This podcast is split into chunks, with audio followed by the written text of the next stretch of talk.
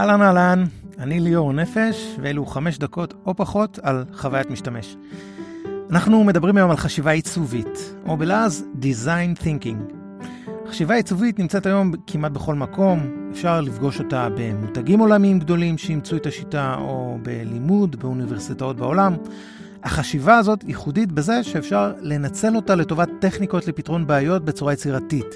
היא נוצרה בין היתר כדי להבין את המשתמש, והיא מנסה לזהות אסטרטגיות ופתרונות חלופיים שאנחנו לא נתקלים בהם בפעם הראשונה. אז מה הופך אותה לכל כך פופולרית? אחת הסיבות, בגלל שכבר בתהליך החקירה אנחנו מטילים ספק בבעיה ובהנחות היסוד.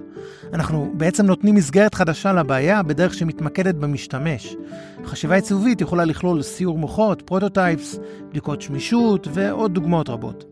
רציתי לשתף אתכם במאמר מעניין שמצאתי באתר Interaction Design Foundation, שנכתב על ידי ריקה פריסדם ותיאו יוסיאנג.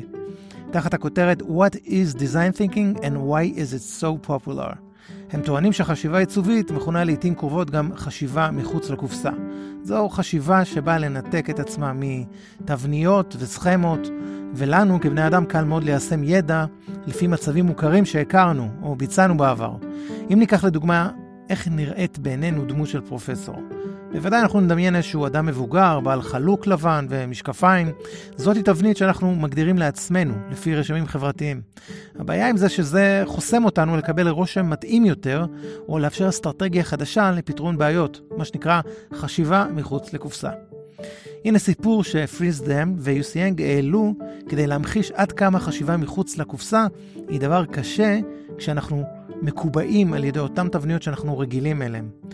לפני כמה שנים אירע מקרה שבו נהג משאית ניסה לעבור מתחת לגשר, אבל הוא לא חזה נכון את הגובה המותר, והמשאית נתקעה בדיוק באמצע הגשר. ככל שהמשאית נתקעה, היא יצרה פקקי ענק וגרמה לבעיות תנועה אדירות. כל צוותי החירום, כבאים, מהנדסים ונהגי משאיות התאספו ביחד כדי לתכנן איזשהו פתרון לעקירת הרכב מהגשר. הם לא ידעו אם לפרק חלקים מהמשאית או לפרק חלק מהגשר, וכל מומחה בחן זאת על פי רמת המומחיות שלו. ילד קטן שעבר במקום ושמע את הוויכוח הלוהט בין כל המומחים, הסתכל על המשאית, הסתכל על הגשר, ואז הביט בכביש ואמר בנונשלנטיות לתדהמת כולם, למה לא פשוט להוציא אוויר מהצמיגים? הסיפור הזה בא להמחיש עד כמה חשיבה מחוץ לקופסה נותנת פתרון ברור ופשוט, שהרבה פעמים קשה להגיע אליו בגלל אילוצים ודפוסי חשיבה שאנחנו רגילים אליהם, שמונעים מאיתנו למצוא דרכים חדשות לפתרון בעיות. הבסיס לחשיבה עיצובית היא ההבנה לאיך המשתמשים מתקשרים עם המוצר ובאיזה תנאים הם פועלים. על ידי זה אנחנו יכולים לבחור את המחקר הנכון, לבצע אף טיפוס ולמצוא דרכים חדשות לשיפור המוצר או השירות. דון נורמן, מי שטבע את המונח חוויית משתמש, אמר שמעצבים ומאפייני חוויית משתמש תמיד ינסו להימנע מהפיתוי לתת פתרונות מיידיים לבעיה. הם לא ינסו לתת פתרונות עד שימצאו את המהות והשורש האמיתי של הבעיה.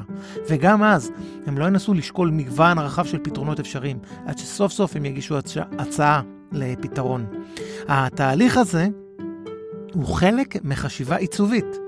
חשיבה עיצובית היא תהליך איטרטיבי ולא ליניארי. צוות עיצוב משתמשים ברציפות בתוצאות התהליך כדי לבדוק, לשאול ולשפר את ההנחות והתוצאות הראשוניות שלהם. תוצאות מהשלב הסופי של תהליך העבודה הראשוני מלמדות את הבנתנו את הבעיה. הן עוזרות לנו לקבוע את הפרמטרים של הבעיה, מאפשרות לנו להגדיר מחדש את הבעיה, ואולי החשוב מכל, לספק לנו תובנות חדשות ש... כדי שנוכל לראות כל חלופה או פתרונות שאולי לא היו זמינים לנו ברמת ההבנה הקודמת שלנו. אז מה נשאר לנו בסוף? רק ליהנות מהתהליך. בהצלחה.